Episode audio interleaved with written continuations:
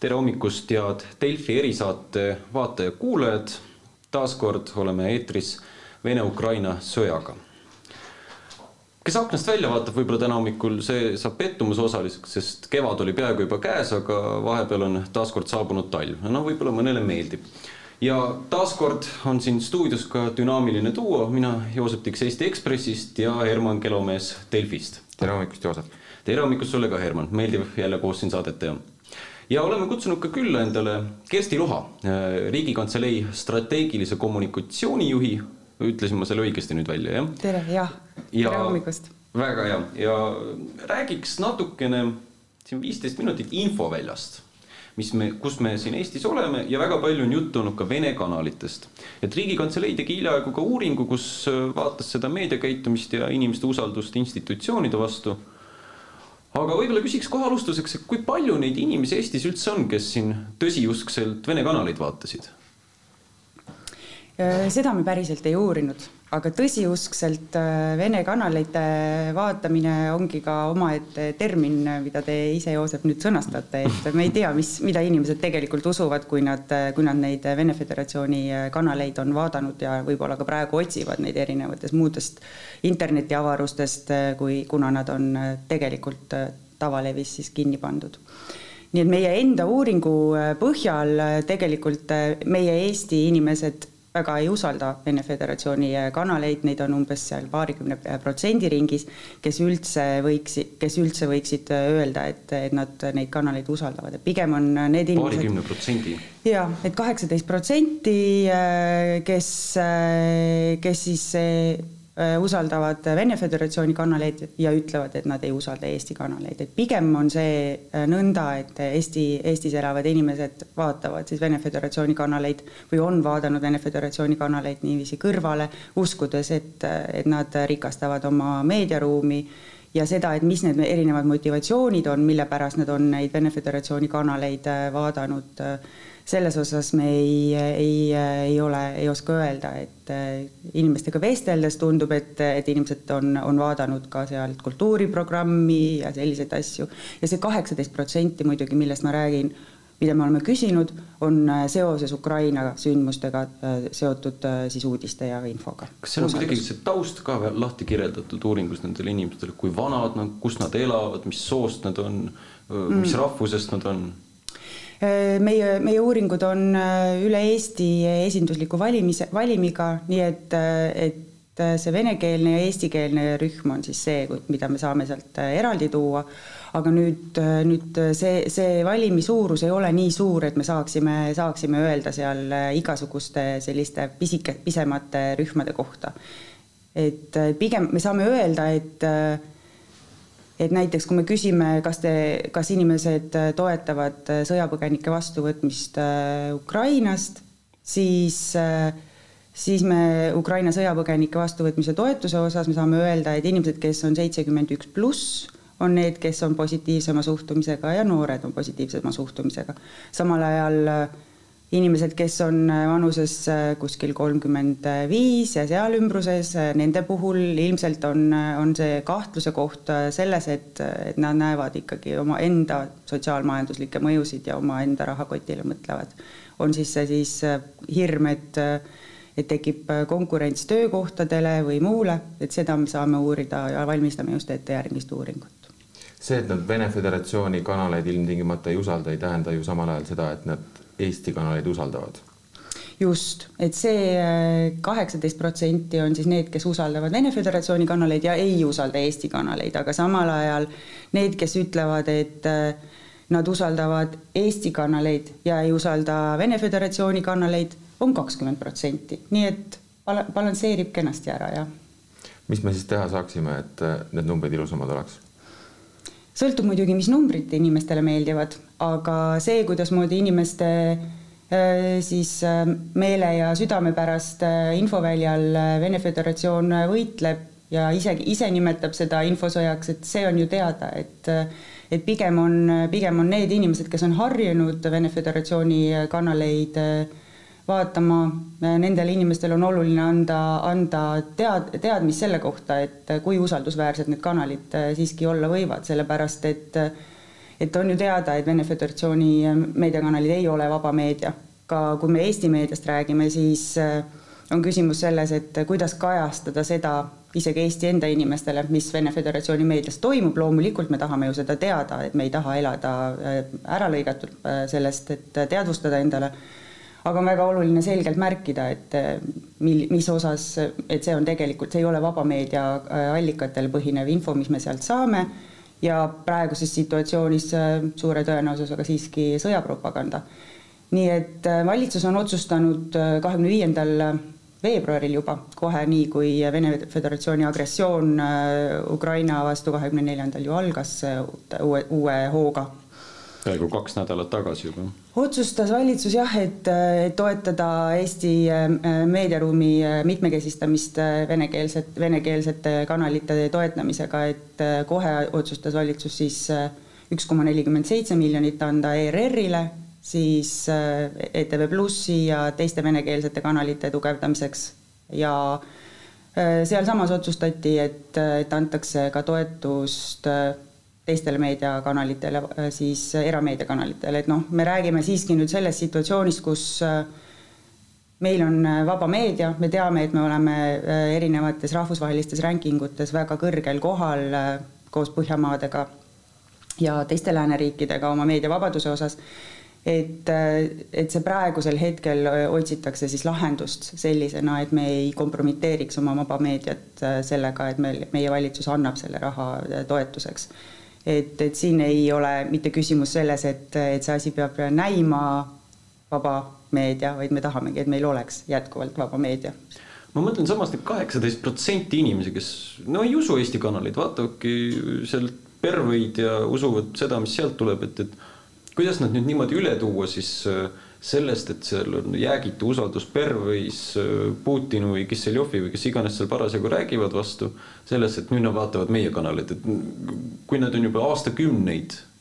vaadanud äh, Vene kanaleid ja seal on ju, on ju ägedad igasugused varieteed ja estraadid ja kõik siuksed asjad mm -hmm. ka mhm. juures. et kuidas üldse siin kohalik kanal suudab mingisugust konkurentsi sellele pakkuda või seda infot äh, inimesele, kes seda ei usu, edasi juhtida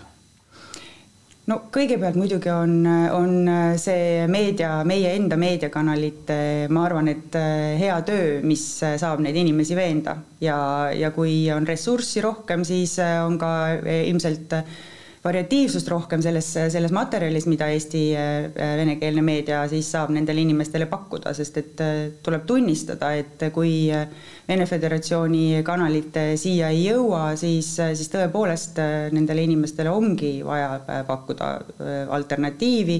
ja et nad suudaksid seda usaldada, siis peab see olema ka võimalikult mitmekesine ja, ja samm-sammult on, käib usalduse võitmine. no ma ei tea, kas ETV Pluss suudab ühe koma seitsme miljoniga need Vene staarid üle osta?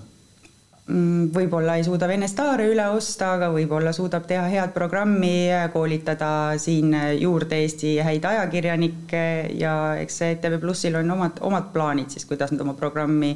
oma programmi tugevdavad, et äh, juba eelmisel nädalal algas äh, uus äh, välispoliitika teemaline diskussioonisaade näiteks, nii et, et eks see samm-sammult peab inimesteni see usaldus ka tekkima, et ega see usaldus ei teki nõnda, et et me, me ju ei usalda tänaval võõrast inimest samamoodi, et ikka samm-sammult võidetakse usaldust. Kas see on kuidagi psühholoogiliselt ka läbi mõeldud nende jaoks, kellel nüüd järsku kadusid kõik need kanalid ära, nad on võib-olla harjunud hommikust õhtuni neid vaatama et äh, mis võiks olla see ajutine leevendus neile, enne kui need praegult suurema rahastuse saanud programmid käima lähevad? ei, sellist, sellist ajutise, ajutist leevendust ma kujutan ette, et kogu meie ühiskonnale on äh, see sõda Vene Föderatsiooni poolt äh, ja selline agressiivsus Ukraina suhtes suur šokk nii et, et ilmselt, ilmselt peame, peame me ise hoopiski ennast eh, vaimselt tugevad hoidma, et mitte ründama neid inimesi, kes praegusel hetkel eh, on võib-olla segaduses, et nad on uskunud mingisugust informatsiooni, millel, millel, millena nad näevad, et ei ole mingisugust tõepõhja all ja see on pigem nagu selline psühholoogiline küsimus, et mis hetkel inimene sellest ehitusfaasist üle saab ja kas ta on üldse valmis, mis hetkel jõudma nagu ava, avama ennast mingisugusele teisele, teistsugusele informatsioonile, et see on ikka usu küsimus, ma kardan. peaminister ütles, et äh, peame olema valmis ka pronksiöölaadseteks sündmusteks, et kas see on nüüd oht, mida Riigikantselei kuidagi kaardistab, see rahvuspõhise konflikti oht on ju suurem, kui ta keskmiselt on jah, loomulikult on, on see oluline, et me hoiame oma inimesi, oma ühiskonna ühtsust, et, et rahvuspõhiseid konflikte välistada ja, või, või nende, nende äh, tekkimist äh, võimalikult ära hoida, et, et siin on loomulikult meie enda, kõigi meie enda teadlikkus selles osas, et mitte keele või, või rahvuse pinnal kedagi, kedagi juba märgistada ennetavalt, et ja, ja noh, aru võib saada sellest, et erinevates äh, venekeelsetes perekondades sotsiaalmeediatki jälgides on äh, väga erinevad arvamused sellest, äh, kuidas praeguseid sündmuseid peaks tõlgendama, nii et, et nendel, sellel venekeelsel inforuumil on meie uuringute ja analüüsi põhjal endal samamoodi raske ka Eesti sees, Eesti venekeelsel inforuumil, et inimesed venekeelsed inimesed vastastikku lükkavad äh, väärinfot ümber, nimetavad äh, sõjapropagandat sõjapropagandaks ja samal ajal on siis vastu, vastu neil inimesi, kes, kes seda ei usu. nii et äh, meie peame oma, oma ühiskonda ise hoidma ja, ja ise, ise, ise olema toetavad nende inimeste suhtes, kes meil siin elavad, ükskõik mis rahvusest nad on. ega see ei ole ju ainult noh, venelaste probleem, et eile oli siin Saarte Hääles ka ju uudis sellest Harri Raudverest, kes ja no kohalik vallavolinik ja Nõmme raadio, raadio omanik ajas sellist Putini juttu, et no vähe ei ole, et, et ma, ma isegi ei tea, kui ta adub, mis seal Ukrainas toimub, et, et noh, siis ta on ikka eriti moraalselt pankrotis inimene, et, et kui, kui ta ei adu, siis noh, ma ei tea, kust ta oma info saab, et, et ma mõtlen, ta on oma arust ikkagi tõenäoliselt Eesti mees, Eesti patrioot, aga ajab noh, ajab täiesti seda juttu, mis tuleb nendest Vene kanalitest, et kust ta üldse nagu võib saada selle info, et me paneme need Vene kanalid kinni, tõenäoliselt ta ju kuskil guugeldab ikka või, või vaatab äh, sotsiaalmeediast edasi, et mis, mis iganes seal Venemaal toimub ja mis juttu nad talle ajavad. et kui kuulikindel meil ikkagi see riik siin Vene propaganda suhtes on, et, et seda võib igalt poolt läbi imbuda, kui meil on üks raadiojuht, kes on läbi ja lõhki Putini-meelne no meie, me, me on laulud, et meie, me mõtted on priid, kes suudaks neid köita ja võita, aga tegelikult me peame väga teadlikud olema ise ka selles osas, milliseid allikaid me tarbime ja, ja millise, millised on need meediakanalid ja nende omanike ring ja millised võivad olla siis nende, selle meediakanaliga seoses siis sellised varjatud motiiv, motiivid, et selle konkreetse härra meediatarbimise osas ei oska ma midagi öelda ja tema motiivide osas samamoodi, aga, aga tegelikult selleks, et, et, et inimesed, Eesti inimesed teaksid, et Vene Föderatsiooni meedia ei ole vaba, ma arvan, et on Eesti enda avalik, avalik ringhääling ja, ja vaba meedia teinud väga palju tööd ja samamoodi ka rahvusvaheline meedia, et Eesti Äh, vabas ühiskonnas on, on äh, need kõik need, kõik see info saadaval ja, ja ka koolides räägitakse ja, ja arendatakse meediakirjaoskust, et no. haridus on väga oluline siin. ma ei tea, kui ütleme Nõmme raadios iga päev hakkaks Harri Raudvere esinema ja Putini juttu edasi rääkima, kas seda tuleks kinni panna? Mm, nüüd, kui meediakanalite kinnipanemisest äh, rääkida, siis, siis tegelikult on meil olemas Eestis Tehnilise Järelevalve ja Tarbijakaitseamet kelle, kelle pädevusse see teema kuulub, kui nüüd, kui nüüd sisu hindamist, sisu hindamisse laskuda. Ja teine variant, mille alusel on ju nüüd Vene Föderatsiooni meediakanalite levikut piiratud, on need sanktsioonid, mille eest me ise oleme võidelnud, et, et mitte saada sa,, teha kättesaadavaks majanduslikke vahendeid neile inimestele, kes, kes nendest, nende meediakanalite levitamisest äh, saavad tulu. kas meil on lõpetuseks, kas meil on ka oht selleks, et tekib selline kolmnurkne rahvuspõhiline konflikt, meil on, tuleb siia palju ukrainlasi, siin juba on palju ukrainlasi, on näha juba teatud märke sellest, et äh, vene kogukonnas on nagu pahameelt selle üle. Võib-olla sellist samasugust nagu eestlaste hulgas oli siis, kui kaks tuhat viisteist põgenikekriis oli, selle peale ka mõtleme mõtleme muidugi ja, ja sellepärast äh, samamoodi me rõhutamegi, et väga oluline on mitte rahvusepõhiselt äh, teha oma ühiskonnas äh, vahet või, või lasta meie, meile mingisuguseid lõhesid käristada, et et siin, siin tuleb väga-väga teadlikult, teadlikult tegeleda integratsiooni küsimustega ja võib-olla see integratsiooni sihtasutus, kes, kes on järjest tegutsenud, et Eesti venekeelsed inimesed jõuaksid Eesti ühiskonnaga lõimut-, lõimuda ja saaksid seda teha, on järgmine, järgmine sihtrühm ka ukrainakeelsed inimesed ja praegusel hetkel vähemasti sellest, mis meediast paistab, siis ukrainakeelsed inimesed, kes Ukrainast sõjapõgenikena tulevad, on väga avatud sinna, siia integreeruma, juhul kui nad peavad siia kauemaks jääma sest paljud inimesed ütlevad ka, et nad tahaksid esimesel võimalusel äh, koju minna tagasi. Kersti Loha, ma tänan, et olete meile siia stuudiosse tulnud ja nüüd teeme ühe niisuguse triki, äh, oleme täiesti kontraproduktiivsed ja näitame äh, järgmised minut aega Vene propagandat. Но Россия не может чувствовать себя в безопасности, развиваться, существовать с постоянной угрозой, исходящей с территории современной Украины. Главная задача российских военных это обеспечить безопасность гражданского населения. И российские военные делают все для этого. В основе нашей политики свобода. Свобода выбора для всех самостоятельно определять свое будущее и будущее своих детей. И мы считаем важным, чтобы этим правом, правом выбора, могли воспользоваться все народы, проживающие на территории сегодняшней Украины. Все, кто этого захочет. Более того, на днях Евросоюз в русофобском угаре принял решение поставлять Киеву летальные вооружения. Для нас жизнь каждого русского или украинца, каждого дончанина или луганчанина не менее ценна, чем жизнь европейца или американца. Мы видим неоднократные попытки, множественные попытки использовать гражданское население со стороны, со стороны украинских националистических групп, э, групп, группировок, я не знаю, как их назвать, которые используют гражданское население, гражданские объекты, жилые дома, как, как щит, как живой щит. Э, это недопустимо. И наши ребята, наши военные делают все возможное, э, все возможное, чтобы этого не допустить. Также хочу дать самую высокую оценку действиям российских солдат и офицеров. Они действуют мужественно, профессионально, героически – выполняя свой воинский долг, успешно, успешно решают важнейшую задачу по обеспечению безопасности нашего народа и нашего Отечества. tere tulemast tagasi, me teeme nüüd meie meediamaja ajaloo esimese otselülituse Mogadishusse Somaaliasse, kus on Eesti diplomaat ja sealse Euroopa Liidu esinduse juht Tiina Intelmann, tere hommikust! tere, tere hommikust!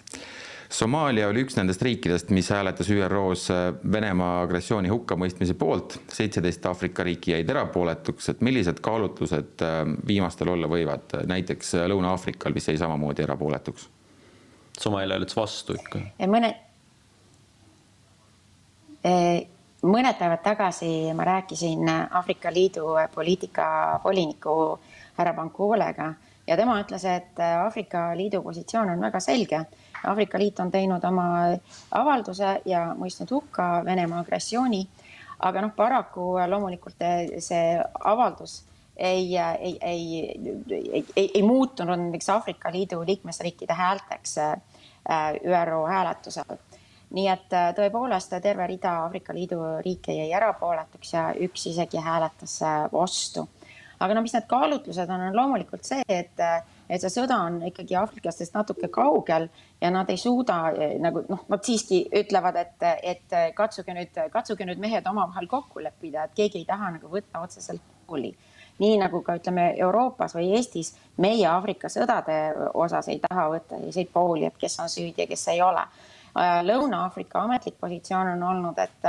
et see resolutsioon tuli liiga kiiresti ja, ja ka see, et, et äh, süüdistati ühte poolt ja ei jäetud piisavat võimalust akent äh, diplomaatiaks ja, ja läbirääkimisteks. nii et jah, ühest küljest on see selline nagu valge mehe sõda ja teisest küljest ka loomulikult äh, ütleme selline, ega see usaldus lääne vastu ei ole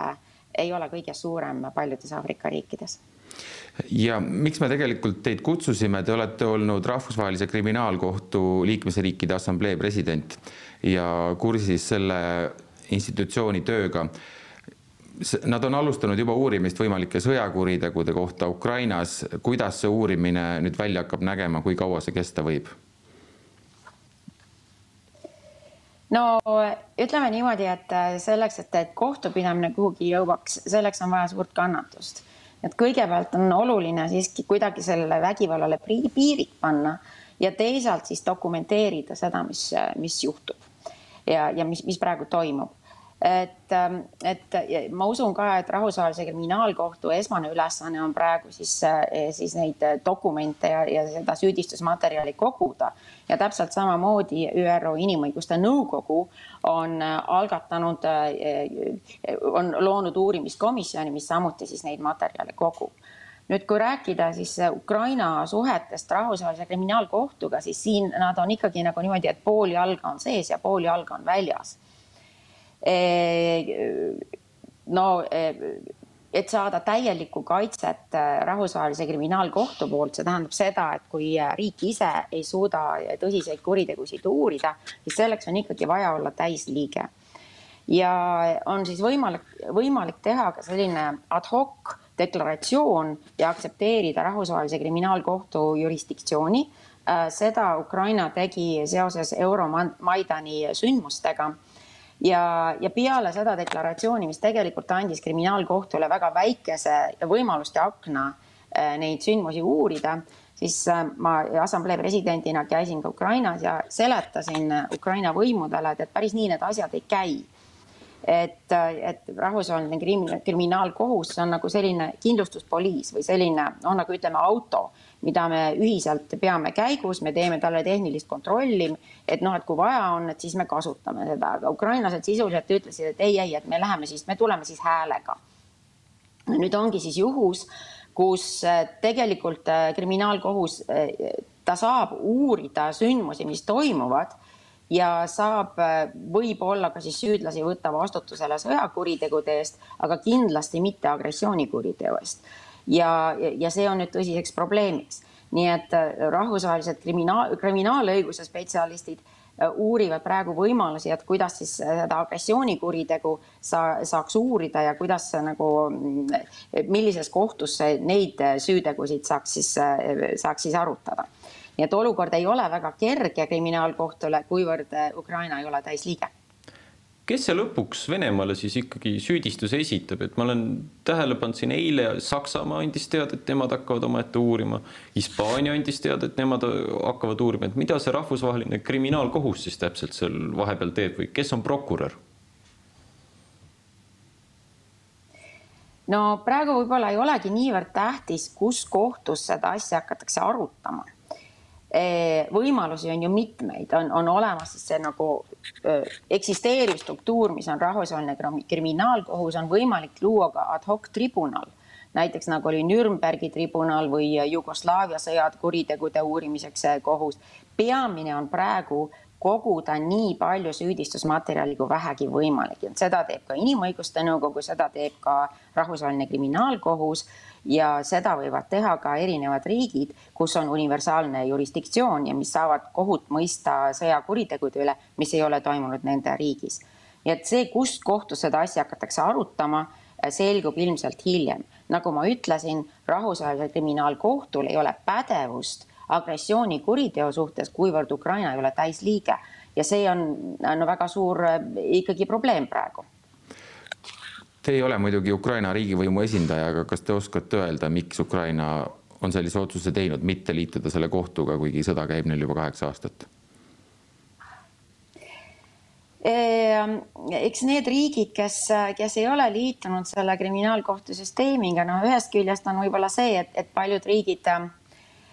on olnud seisukohal, et see, see süsteem ei ole piisavalt tugev ja, ja piisavalt töökindel aga paljud riigid on ka mm, arvanud, et nad ei taha eh, lasta nii-öelda ennast käsist ja jalust siduda. ja ütleme eriti need riigid, kus on vägivald ja kus toimub vägivald, eh, siis need riigid võib-olla on tundnud ka seda, et et äh, kui Rahvusvaheline Kriminaalkohus alustab uurimist, siis äh, uuritakse kõiki vägivallajuhtumeid antud äh, territooriumil ja et võib-olla see kuidagi ei ole siis selle riigi huvides, kui, kui kõiki hakatakse uurima. nii et põhjuseid on mitmeid ja, ja noh, selge on see, et Ukraina ei ole täisliige nad ei ole tahtnud võtta nagu kõiki neid kohustusi ja kõike seda vastutust, mis, mis tuleneb täisliikmeks olemisest ja, ja, ja noh, nüüd, nüüd siis ongi tulemus on, tulemus on selline, nagu ta on kui ma ei eksi, siis Venemaa vist ei ole ka liige, et, et äh, kas see garanteerib neile selle, et äh, kui Putini vastu esitatakse süüdistus, siis ta ei pea samal ajal, kui ta president on, kohuvahet, kohtuvahet käima hakkama, vaid saab ignoreerida rahvusvahelist krimi, kriminaalkohust? ja Venemaa ei ole ka liige ja, ja USA ei ole ka liige, noh, üldiselt kui näiteks kui me võtame sellesama eh, eh, kasvõi Sudaani eh, kaasuse, kus Sudaani presidendi vastu anti kaks arreteerimiskäsku, siis mis, mis juhtus, oli see, et, Sudaani president, ta sai küll kodus olla president edasi, aga kui ta reisis riikidesse, kes on Rahvusvahelise Kriminaalkohtu liikmesriigid, siis, siis nendel liikmesriikidel oli kohustus see inimene arreteerida ja, ja noh, see kahtlemata ei piiras, piiras Sudaani presidendi eh, liikumisvabadust, aga loomulikult Venemaa ei ole liitunud ja Venemaa, noh, kui me vaatame praegu Venemaa käitumist, siis üleüldse kogu rahvusvaheline õigus eh, on nende jaoks lihtsalt üks, üks paber, mille võib sama hästi ka ära põletada. No on väga võimalik, et me ei saa Putinit ega Šoigut ega teisi Venemaalt mitte kunagi kätte, et kas tagaselja kohtuprotsessi pidamine, on see võimalik, on see mõttekas? Ma olen kahtlev äh, selles suhtes, sest äh, kohtupidamisel on ka selline, ütleme, emotsionaalne äh, aspekt. Ja et need, kes on kannatanud, nad peavad siiski tunnetama, et, et midagi sellest kohtupidamisest kasu oli ka. Ja, ja me kujutame ette, kui inimene mõistetakse süüdi tagaselja ja, ja siis ta on endiselt president edasi ja, ja ja teeb oma tegusid seal, siis, siis noh, kellele see, kellele see pakub mingit rahuldust mitte kellelegi. ja samas on ka see, et, et ikkagi selline läänelik kohtupidamine, see eeldab ka seda, et kohtualune saab ennast kaitsta. ja, ja, ja, ja kui ka tagaselja kohtumõistmisel noh, nagu sellist, sellist asja ei ole, siis inimene lihtsalt nagu ignoreerib kõike seda, mis toimub. ma, ma olen suhteliselt kahtlev, et, et see oleks nagu kõige parem, parem variant antud juhul muidugi siin, ma ei tea, kas on ilus tagantjärele näpuga viibutada, aga siin klasterpommid, tsiviilelanike valimatu tapmine, süüdistamised, et Vene sõdurid käivad ja vägistavad, et see ei ole esimene sõda, kus Venemaal sellised kahtlused õhus on, et nad niimoodi käituvad, et, siin võib ju loetleda üles Süüria, Donbassi, varasemalt Georgia, Tšetšeenia, et, et nad on kogu aeg niimoodi käitunud, et kus me enne olime no ma usun, et see, mis praegu toimub, on lihtsalt äh, palju äh, palju no ma, ma usun, et, et praegu toimub lihtsalt on meid üles äratanud, et, et varem on, on asjad toimuvad natukene ähm, väiksemas mastaabis, aga, aga see näiteks, mis, mis toimus Süüria sõja ajal, ka selle, ka nende kuritegude osas on, on nii-öelda see, need materjalid on, on, on kogutud, lihtsalt küsimus on selles, et ei ole, ei ole suudetud, ei ole suudetud eh, neid asju kohtusse viia, nii et, nii et noh, siin, siin me oleme, maailm ei ole vist päris, päris selline ideaalne koht eh, paraku aga jah, see, mis praegu Ukrainas toimub, on, on muidugi noh, lihtsalt enneolematu ja, ja, ja ühe riigi agressioon eh, teise vastu sellises ulatuses, seda ei ole Euroopas juba tükk aega juhtunud me räägime siin mustadest näidetest selles mõttes, et eh, sõjakuritegudest, mis ei pruugi selle kohtu ette jõuda, mis need rahvusvahelise kriminaalkohtu senised kõige suuremad võidud on, et, et vaataja saaks aru, et pole päris tühja tööd tehtud? Päris tühja tööd ei ole tehtud, et, et ikkagi terve hulk eh, kuritegusid, mis on toimunud Aafrikas, on, on toodud kohtu ette. näiteks kui ma alustasin tuhande üheksasaja, kahe tuhande üheteistkümnendal aastal, siis, siis toodi kohtu ette elevandiluuranniku president Gbagbo. nii et, et, et ikkagi uurimisi on Aafrika, Aafrika sõdade asjus ette võetud. Ja noh, ka seesama Sudaani kaasus, kus ÜRO Julgeolekunõukogu saatis Sudaanile, saatis Sudaani kaasuse rahvusvahelise kriminaalkohtu ette, nii et, nii et neid, neid uurimisi on, aga loomulikult, kui me räägime kuritegudest, mida paneb toime ÜRO Julgeolekunõukogu alaline liige, siis, siis olukord on natukene komplitseeritum, kui, kui ta muidu oleks. kas eeldus on see, et Venemaal peab toimuma režiimivahetus, et üleüldse midagi saaks teha või karistada neid? no režiimivahetus kahtlemata oleks soodne ja kui toimuks näiteks režiimivahetus, siis ei peaks ju tingimata pöörduma rahvusvahelise kriminaalkohtu poole. ka Venemaal on seadused, mille alusel saaks kohut mõista, samamoodi Ukrainas on seadused ja isegi Valgevenes on väga korralikud seadused, mis mõistavad hukka nii agressiooni kui ka sõjakuriteod, nii et nii et režiimivahetus kahtlemata annaks võimaluse ka, ka nende riikide kohtutes neid küsimusi arutada suur tänu meiega liitumast, Tiina Eitelmann, Euroopa Liidu Somaalia esinduse juht Mogadishust. Ja sellega on meie saade tänaseks lõppenud. stuudios olid Joosep Tiks ja Herman Kelomees, kohtume taas homme